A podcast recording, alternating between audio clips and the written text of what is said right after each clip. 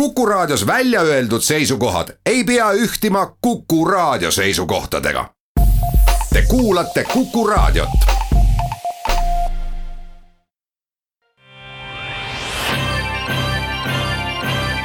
saade kuusteist minutit, kaks läbi on kell ja mul on hea meel tervitada nüüd äh, tänast saate külalist ja meil on külas Vabaerakonna aseesimees Kaul Nurm, tere päevast. tere päevast nüüd on ametlikult juba mõnda aega teada, et äh, Kaul, te olete otsustanud kandideerida Vabaerakonna esimeheks. Äh, valimised toimuvad kolmekümnendal septembril, erakorralised valimised. tänaseks on muidugi teada, et juhi kandidaate saab olema kolm ehk siis senine erakonna esimees Andres Herkel, aga lisaks on siis ka oma kandidatuuri üles seadnud juhatuse liige Tarmo Kask.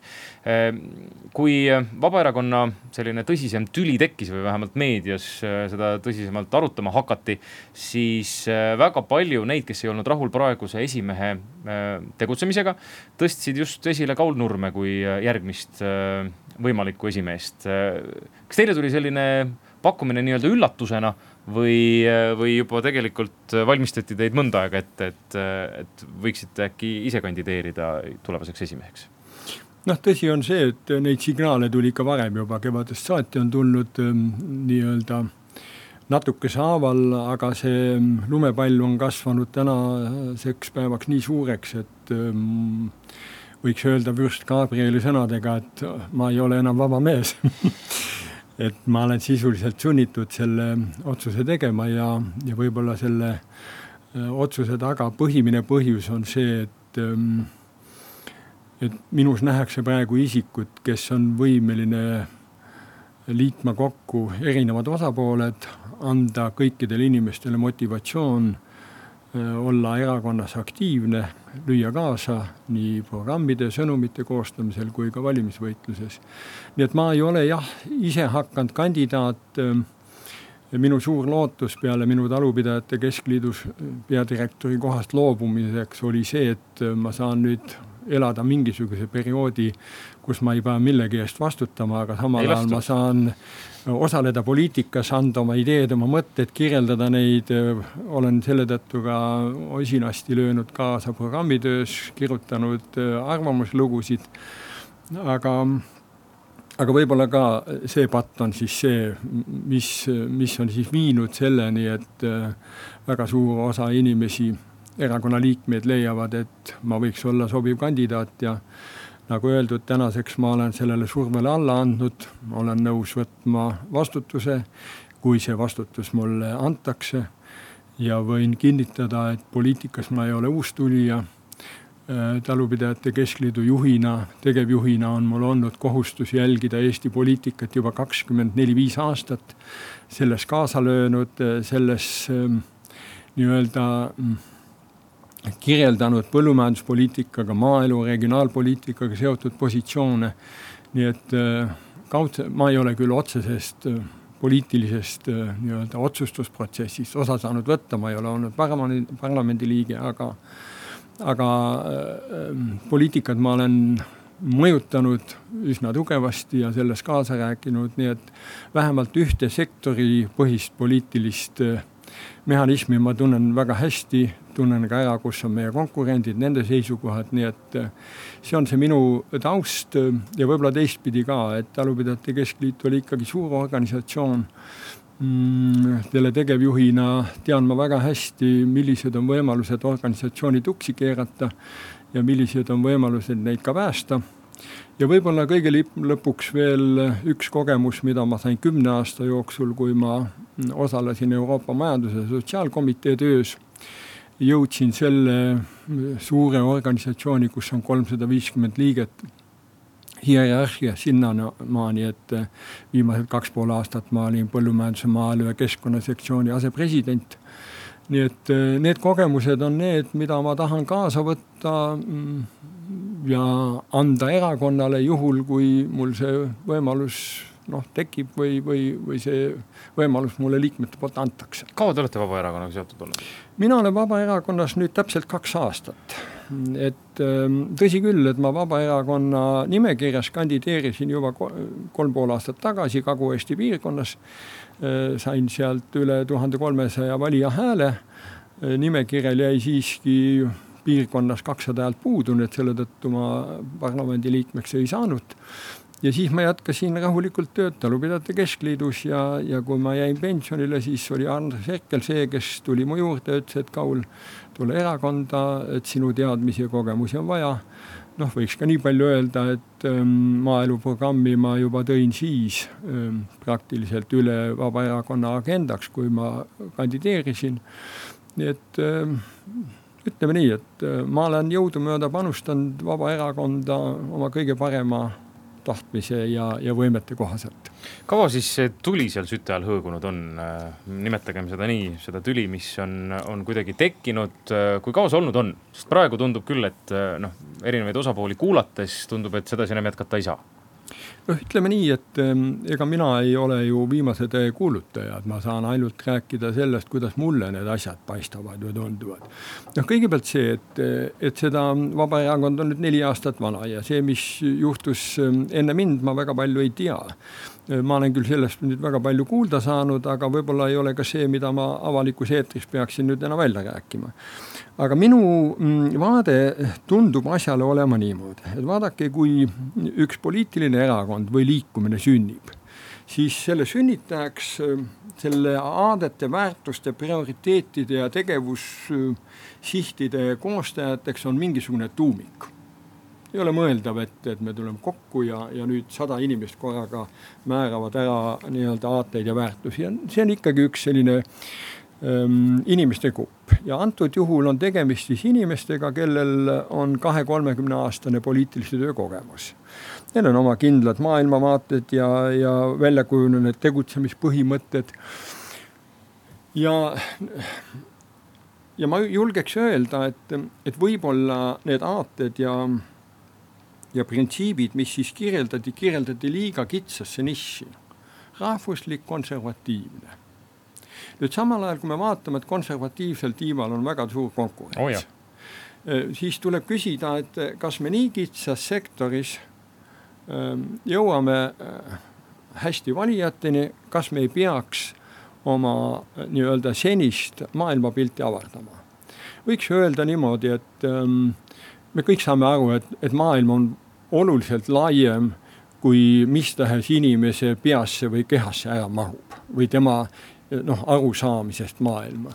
ja nüüd ma jõuangi selleni, et, et kui meil on palju inimesi, nad igaüks kannavad erinevaid kompetentse erinevates sektorites, valdkondades, meil ka inimesed ju on, töötavad eri valdkondades ja meil on küll sellised üldised probleemid, mis meid noh, ühiskonda tervikuna ühendavad, aga meil on kõigil sektoripõhilised probleemid, mida, mis vajavad ka lahendamist ja kui nüüd need inimesed äh, tulevad erakonda sisse ja püüavad hakata seda oma kompetentsi, oma teadmisi hakata pakkuma, siis tihtilugu see tuumik ütleb, et aga nii pole olnud, et see ei mahu meie sellesse äh, maailmapilti ära, mida me oleme nüüd kitsalt kirjeldanud. Ja ma, mulle tundub, et see konflikt praegu seisnebki selles, et ähm, need, kes on väljaspool seisjad, noh, kas juhatusest Äh, väljaspool seisest, seisvat programmiloomest tunnetavad, et nende potentsiaali pole ära kasutatud. Neil on olemas teadmised, aga see ei jõua ei programmi ega juhatuse agendasse ega otsustusmehhanismi ja sealtkaudu ka võib-olla Riigikogu saali. et see on see konflikti minu arvates äh, noh, olemus või, või, või sõnastus minu poolt vaadatuna. kindlasti võib olla seal ka probleeme teisi ja, ja kui me nüüd jõuame juhtimise juurde, siis, siis tõepoolest, et ähm, et juhtimisel on minu arvates üks, üks, üks väga oluline printsiip, eriti kui me juhime suurt organisatsiooni. et ma toon äh, paralleeli jalgpallist, et kui meil on äh, ühes meeskonnas kümme tipptähte, nad võivad väga vabalt Islandile kaotada, sest Islandi meeskond ei ole küll ühtegi säravat tipptähte, aga me teame, kui võimekas ta on olnud ja kui ma nüüd toon paralleeli siin selle meeskonna või, või erakonna juhtimisega, siis ma ütleks ka, et, et võidu ja, ja edu saavutavad need, kus mängib meeskond. kus igaüks on küll isiksus, aga kus igalühel on ära määratud tema roll, tema parimad võimed panna selle nimel tööle, et organisatsioon saaks koos edasi liikuda ja olla edukas ja, ja see on üks noh, minu sellistest tagasihoidlikest etteheidetest praegusele juhtkonnale või, või, või ka siis esimehele ja võiks ka laiendada eelmisele esimehele juba. et sellist meeskonda, kus igal erakonna liige tunneb, et temal on mingi funktsioon täita. ta on mingisuguses valdkonnas kompetentne, haritud, tark, teab, tal on kogemused. et vot need ei ole ära rakendatud ja, ja mina pean seda praegu erakonna üheks nõrkuseks. Te kuulate saadet kell on neliteist ja kolmkümmend kolm minutit, meil on jätkuvalt stuudios külas Vabaerakonna aseesimees Kaul Nurm, kes siis kandideerib ka äh, uueks äh, Vabaerakonna esimeheks, valimised toimuvad kolmekümnendal septembril. ja telefoninumber kuus, kaks, üks, neli, kuus, neli, kuus on nüüd ka avatud, nii et kui teil on äh, Kaul Nurmele küsimusi, siis võite julgelt ka helistada ja meil ongi juba esimene helistaja liinil, tere päevast. no tere päevast, ma tahaks küsida nüüd sedasi, et mis vigu tegi see Herkel, mis teie teete nüüd edasi, milliseid vigu te ei tee? aitäh küsimuse eest. temaga noh, ütleme siis nii, et kogu eelmine saateperiood läkski enam-vähem äh, nende vigade analüüsiks ja. aga kui kiiresti veel üle käia? ja, ja ma ütleks võib-olla nii, et äh, ei saaks öelda, et need on kõik Herkeli isiklikud vead, et, et küllap see ring on ju laiem, kes otsuseid vastu võtab. aga, aga põhimine on see, et minu arvates ähm, see juhtkond ei ole suutnud liikmete potentsiaali avada piisavalt, ei ole suutnud neid kaasata ja kui inimesed ei ole olnud kaasatud, siis nad tahavad ju seda õigust omale nõuda ja ma arvan, et see protestivaim, mis on praegu lahti läinud, ongi eelkõige tulenenud sellest, et, et inimesed ei ole tundnud, et nad on väärtuslikud erakonna liikmed ja et ehm, nende osa ka kogu erakonna tegevuses kajastuks, et võib-olla see on selline kõige põhimine aga kuidas, kui mina püüan jah, kindlasti jagada vastutust, äh, jagada ülesandeid, luua meeskonda, sest äh, meeskond on võimekas ja üksinda võid olla sa kui kõva mees, aga, aga saavutused jäävad tõenäoliselt väga lahjaks. kuus, kaks, üks, neli, kuus, neli, kuus, äh, telefoninumber on taas helisenud, tere päevast! Veel siiski mitte, aga kellel on küsimus Kaul Nurmele, siis võib julgelt helistada, me ei ole veel rääkinud reitingutest värskelt need saabusid, mis Rahvusringhäälingu tellitud on, mis on siis turu-uuringute omad, äh, kaks protsenti Vabaerakonna reiting, see on äh, olnud nii ka augustis, juunis tõusis küll nelja protsendi peale, aga vaatasin, millal viimati oli see siis üle valimiskünnise ja see oli eelmise aasta augustikuus. on seda võimalik üldse tõsta ülespoole veel? noh, on ikka. allapoole on raske langetada. uue juhi suur õnn ja õnnetus on koos, et, et see reiting on just seal ja on ikka ja ma ütleks, võib-olla laiendaks seda küsimust üldse laiemale, et, et viimaste reitingute valgusel meil saaks ju neli erakonda ja, parlamenti ja, ja minu, nüüd tuleks küsida, et kas Eesti ühiskond sellest võidab või kaotab. Ja mina julgen kindlalt väita, et Eesti ühiskond kaotab sellest. Et kui me vaatame Skandinaavia väikeriikide edulugusid, siis sel, nende edu on eelkõige taganud selle, et parlamendis on esindatud kaheksa kuni üksteist erakonda. Ehk siis see tähendab äraseletatult seda, et kõik ühiskonna erinevad kihid on oma esindajate kaudu esindatud noh, parlamendi töös. esiteks inimesed tunnetavad, et nende mured on seal välja käidud, kas kõikidele täna, homme lahendus tuleb, see on omaette küsimus. aga, aga see on see, mis seda ühiskonda seob, see on nii-öelda selle eduloo eelduseks. ja, ja see teine pool on veel selles, et kui me täna näeme, et meil hakkavad debatid toimuma äh, tänavatel, miitingutel, streikides, Facebooki gruppides, autosõitudes Lätti ja nii edasi, siis kui need erinevad sihtrühmad oleks esindatud parlamendis, siis sellist rahulolematust ju ei oleks, siis oleks debatt ju kultuurses ja argumenteeritud keskkonnas. nii et ähm, mina ütleks, et ähm, kui me vaatame nüüd, et kas, kas sellest midagi tuleb paremat, kui Reform või Kesk või EKRE saab näiteks kaks või kolm kohta parlamendis rohkem, et sellest tegelikult ühiskondlikku kasu ei tule. ühiskondlik kasu tuleks siis, kui meil oleks näiteks rohelised parlamendis ja olgu ta siis kasvõi see elurikkus ja, ja Eesti sada ja ja, ja, ja Isamaa ja, ja Vabaerakond ja võib-olla veel keegi, keda praegu Eestis ühiskonnas veel ei ole, meil on ju terve kolmkümmend protsenti inimesi, kes on täiesti poliitiliselt passiivsed, neid ei kõneta keegi, et ma noh, minu vaates võiks olla ideaalis see, et ka see sihtrühm leiab oma noh, organisatsiooni esindaja, kes neid esindab. Ja selle kaudu kaasata nad kogu noh, ütleme otsustusprotsessi sisse. tõsi on see, et valitseda on niimoodi raskem, kui meil on erakondi rohkem, aga ühiskond terves tükis sellest võidaks. kuus, kaks, üks, neli, kuus, neli, kuus telefoninumber on helisenud, tere päevast. vot minu arvates on meie praegused erakonnad, üks on nagu noored leninlased, siis on see komnoorte erakond pioneerijuhtide erakond ja provokaatorite erakond. on jäänud üks, üks väike osa, osa inimesi, ütleme, kes nüüd oleks, oleks nagu normaalsed inimesed, kes oskaks nagu normaalselt mõelda. Teie küsimus on? praegu toimub ju riigis tegelikult äh, totaalne märatsemine, midagi nagu ei toimu ja lubatakse ei tea mida kokku.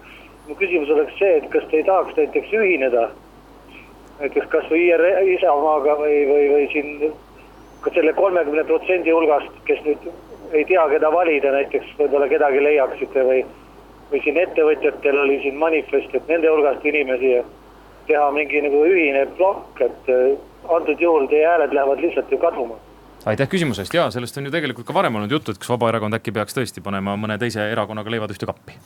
noh, leibu kappi jõuab alati panna, aga, aga Vabaerakonna kindel printsiip on ja seda pole mitte keegi vaidlustanud, et me oleme avatud kõikidele poliitilistele liikumistele ja ja ka ühiskondlikele organisatsioonidele, et meie seda vaba platvormi pakume, see on just seesama osa, millest ma enne rääkisin, et teatud rühmad ei ole parlamendis üldse esindatud, kui, kui neil on ka üks esindaja, siis on juba see hea ja, ja loomulikult ühinemistega on see lugu, et kui tegevuskavad, ilmavaated ja, ja väärtushinnangud, ähm, aated omavahel sobivad, siis tõepoolest pole mõtet üksteisega mõtet konkureerida, et siis on pigem konkurents ju juhtide ja, ja juhatuste vahel.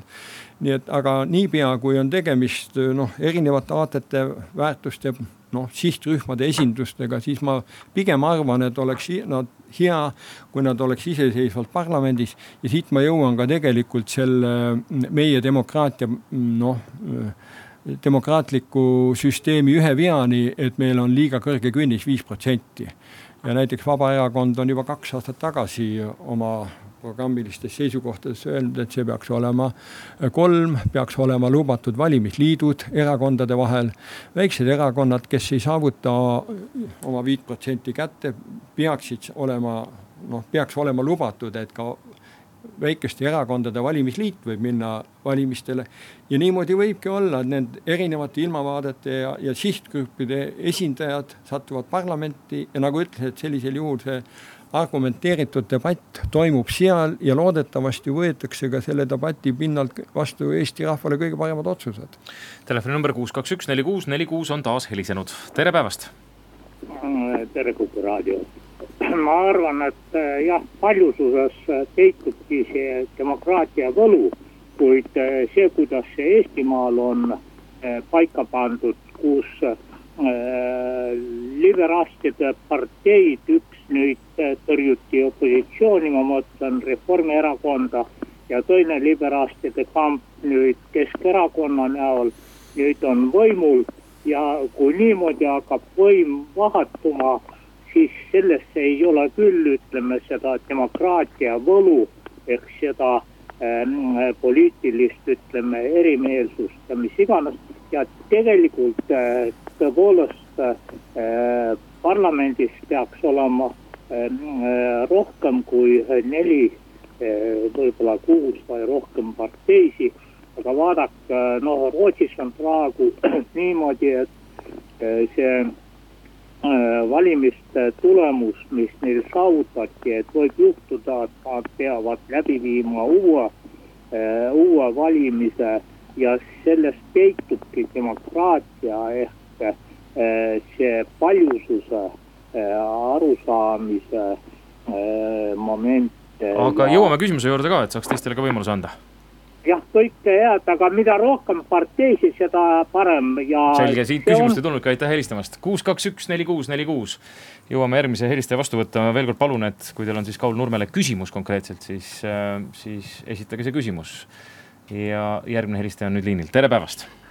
tere päevast selline küsimus, et kas Kaur Nurme arvates Andres Herkeli juhtimisel on üldse mingit lootust Vabaerakonnal järgmiste valimiste järel äh, parlamenti pääseda või mitte ja kas äh, ma sain aru, et Kaur Nurme juhtimisel see lootus on väga suur, et, et milles see nagu vahe on, kui seal on vahet üldse? aitäh küsimuse eest! noh, ütleme niimoodi, et äh, kui ma ei loodaks, siis ma ei tohiks seda vastutust posti vastu võtta see on seotud nüüd minu lootustega, mis puudutab Andres Herkeli lootustega, siis ma ei hindaks ka seda, et see oleks nüüd lootusetu et eh, kui meil nüüd valimised ära toimuvad ja Andres Herkel tagasi valitakse, ma loodan, et ta on eh, õppimisvõimeline inimene ja teeb sellest järeldused ja, ja teeb ka võib-olla järeldused nendest mõtetest ja soovitustest, mida mina olen eh, välja käinud ja andnud, nii et ma pean mõlemat varianti veel võimalikuks, millised reaalsed arengud tekivad, noh, kes seda oskab täpselt öelda, aga, aga kindlasti ei tahaks ma matta ka Vabaerakond on võimalusi maha, kui Andres Herkel seda peaks edasi juhtima. saade kell on neliteist ja nelikümmend seitse minutit, meil on jätkuvalt stuudios külas Vabaerakonna aseesimees Kaul Nurm, kes siis kandideerimas ka esimeheks kolmekümnendal septembril toimuvad juba valimised ja telefoninumber stuudios kuus, kaks, üks, neli, kuus, neli, kuus on valmis vastu võtma küsimusi Kaul Nurmele, Kaul on valmis neile ka vastama. järgmine helistaja ongi liinil, tere päevast. tervist, jõudu kuidas suhtute ühendusse traditsioonilise perekonna kaitseks?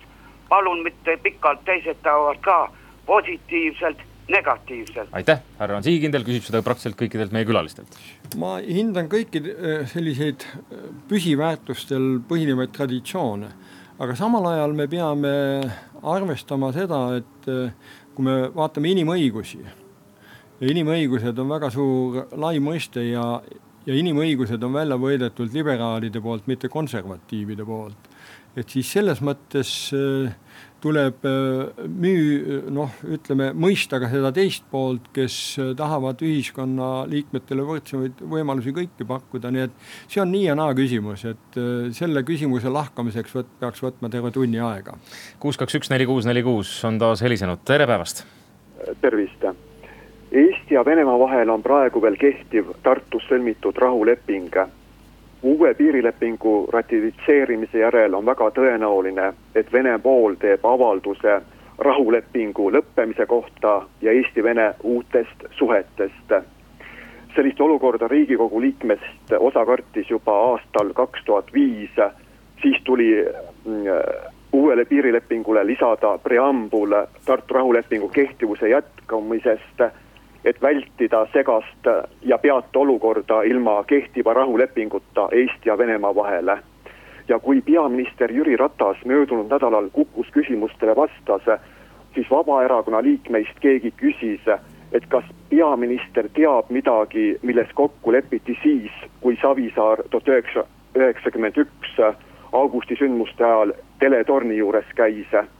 ja nüüd küsimus, et kas Vabaerakonna peale saab kindel olla, et uut piirilepingut ei toetata sellisel niinimetatud tehnilisel kujul, nagu see eelnõu on praegu Riigikogu sahtlis ootevalmis aitäh küsimuse, ma pean täpsustama, et äh, see küsimus tõepoolest eelmisel nädalal äh, peaministrile tuli. väide, et see oli Vabaerakonna liikme esitatud küsimus, ei pea paika, sellepärast et inimene ei identifitseerinud end kui Vabaerakonna liige. sellisel võiks... juhul on kuulajal kuskilt mingi muu informatsioon. ma võiks siis nii öelda, et äh, selle nimetatud ähm, lisapreambula üks autoritest oli Andres Herkel minu mäletamist mööda ja mm, kui me oleme seda teemat arutanud, siis senimaani on olnud Vabaerakond positsioonil, et me seda äh, lepingut sellisel kujul ei ratifitseeriks. kui ma kolm aastat tagasi kandideerisin ähm, Vabaerakonna ree peal, siis oli ka minu ähm, nii-öelda valimisbülletäänis või, või mitte bülletäänis, vaid ähm, selles mm, trükises kirjas seisukoht, et me seda ei tee nii et eh, tänase päeva seisuga mul ei ole alust väita, et Vabaerakond peaks selles küsimuses väga oluliselt kurssi muutma. kuus, kaks, üks, neli, kuus, neli, kuus, järgmine helistaja on juba taas liinil, tere päevast. nii, mul on selline küsimus. kui ükskõik millisesse erakonda ennast ka pakkuma ei läheks, igas kohas küsitakse hullupabereid. kas teil ka seda nõutakse? no ma, ma, mis tingimused on erakonnaga liitumiseks? Lihtsustame seda küsimust. ma ei saanud päris sellest hullupaberi küsimusest aru, et et ma usun, et enamik poliitikuid siiski on normaalse mõistusega inimesed ja, ja kellelgi ei nõuta hulluks olemisest, olemist ega ka mitteolemist. kuus, kaks, üks, neli, kuus, neli, kuus äh, on valmis vastu võtma veel kõnesid, äh, niikaua kuni me järgmist küsimust ootame, meil väga palju pole aega, juba on liin hõivatud vahepeal, tere päevast siiski mitte, siis ma kasutan võimalust, kui suur on tõenäosus, Kaul, et, et te olete järgmine Vabaerakonna esimees, millised need indikatsioonid erakonnasiseselt on? Neid prognoose ma ei tahaks äh, ette võtta, et äh, see on nii kohvipaksu pealt ennustamine. Pole palju aega oodata ju ainult, äh, ainult kolm nädalat või, või vabandust, üks isegi. nädal. aga kui, kui mul on võimalus ähm, eetris rääkida mõningast printsiibist, mida Äh, mis on mulle väga lähedased, siis, siis ma kasutaks ära seda võimalust, ütleks mõned. et minu arvates peaks olema kindlasti vähem riiki ja rohkem kodanikku, vähem riiki ja rohkem ettevõtlust. Äh, võimaluste võrdsus peaks olema üks printsiip, igaühe õigus haridusele ja, ja tervishoiule ehm, õiguste ja kohustuste kooskõla peaks olema üks selline printsiip, mida tuleb alati jälgida, kui poliitikuid, poliitikat kujundada. ökoloogiliselt tasakaalustatud elukorraldus, ühtlaselt arenenud Eesti, et meil on praegu Eesti väga ebaühtlaselt arenenud, hästi arenenud Tallinn ja tema lähiümbrus ja, ja nii-öelda siis muu Eesti kui me mõtleme siin kasvõi elatustasemet, siis Tallinnas on see kaks korda suurem kui, kui muu, muus Eestis ja need on kindlasti sellised asjad, mis vajavad äh, lähi, lähiajal kohe korda saamist. Äh, riigikapitalist eema, riigi, riigikapitalismist eemaldumine, et me vaatame, et riik okupeeris tere rohkem neid majandussektoreid, kus tegelikult võiks eraettevõtlus väga vabalt toime tulla, olgu ta siis lennundus, rongiliiklus, praamiliiklus või, või mis tahes muus taoline asi. ja kindlasti kolmanda sektori tugevdamine, et äh, me oleme teinud selles suhtes ka päris tugevaid dokumente ja viimane uus idee on see, et, et vabaühendustele peaks olema annetused ähm, maksuvabad ehk siis need annetused tuleks tuua ettepoole tulu- ja sotsiaalmaksu et äh, hetkel käib äh, annetuste puhul topeltmaksustamine ja, ja see on üks põhjuseid, miks meie vabaerakonnad, vabaühendused on nõrgad. Äh, see on üks põhjus, miks sinna annetusi näiteks ei laeku, nii et need on selline väga kiire loetelu mõningatest asjadest, kus mina tunnen ennast võib-olla kas kas hästi või tugevana ja, ja tahan neid printsiipe jälgida. ma eeldan, et äh, kõnes, mida te tõenäoliselt ka kolmekümnendal septembril erakonnakaaslastele peate, räägite te need printsiibid natuke rohkem lahti?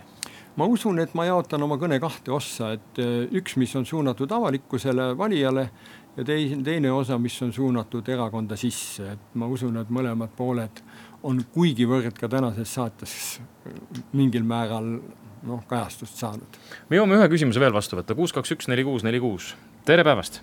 tere päevast, mul niisugune arusaama, te vastasite nagu osaliselt sellele küsimusele juba ära. aga ikkagi äh, ma esitan ta veel korra sellise mõttega, et äh, kui te vaatate poliitikat ja vaatate seda demokraatiat ja kogu seda möllu, mis käib, siis põhivärk on kogu aeg õigused, inimõigused, kodanikuõigused, migrantide õigused, mustlaste õigused, homode õigused. Aga kus on nende kohustused, kas ma olen äh, täheldanud, et ühesõnaga üheksakümmend üheksa protsenti on jutt ainult õigustest, aga kohustustest ei midagi. kuidas te, Vabaerakond hakkab nägema seda liini? Aitäh! kui panite tähele, siis äh, selle printsiipide loetelus, mis ma just äsja äh, nimetasin, on ära toodud, et õiguste ja kohustuste vastastikune kooskõla peab olema. et ei saa olla õigusi ilma vastutuseta ja vastutust ilma õiguseta, nii et need, need kaks asja peavad olema alati tasakaalus. kui nad ei ole tasakaalus, hakkab ühiskonnas kohe midagi kiiva kiskuma muide, siia võib-olla sobib paslikult veel meelde tuletada ka õiguskantsler, kes aasta ülevaadet andis siin just nädala alguses Riigikogus, siis äh, üks aspekt, mida ta ka välja tõi, oli see, et ka meie oma Eesti inimesed kipuvad ära unustama, et on ka põhikohustused olemas, et. absoluutselt. et põhiõiguseid kiputakse kogu aeg nõudma, aga, aga kohustused kipuvad, kipuvad ära ununema aga meil hakkab aeg läbi saama, aitäh, Vabaerakonna aseesimees Kaul Nurm täna stuudiosse tulemast. Mm, jõudu-jaksu ja eks tõde selgub siis Vabaerakonna jaoks ilmselt kolmekümnendal septembril, ma usun. suur tänu kuulamast ja soovin kõikidele Eestimaa elanikele kõike head ja, ja nii nagu öeldakse, et õnne läheb ka vaja